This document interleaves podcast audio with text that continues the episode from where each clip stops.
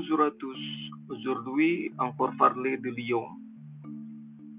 La ville de Lyon est située dans la vallée du Rhône. Au nord, il y a le Beaujolais célébré pour son vin rouge appelé Beaujolais Nouveau.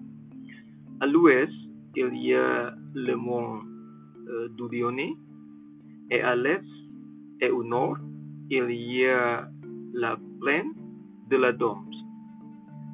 Dom s'écrit Dom Bélisère. À Lyon, vous trouverez de nombreux musées. Le musée gallo-roman de Fort-Fier, par exemple, est situé 17 rue Kléber. Il est ouvert du mardi au dimanche de 10h à 18h. L'entrée coûte 6 euros kang sepleng tarif. Eka turu kang setarif Redwi. Note que le musée est gratuit le pour tout le monde.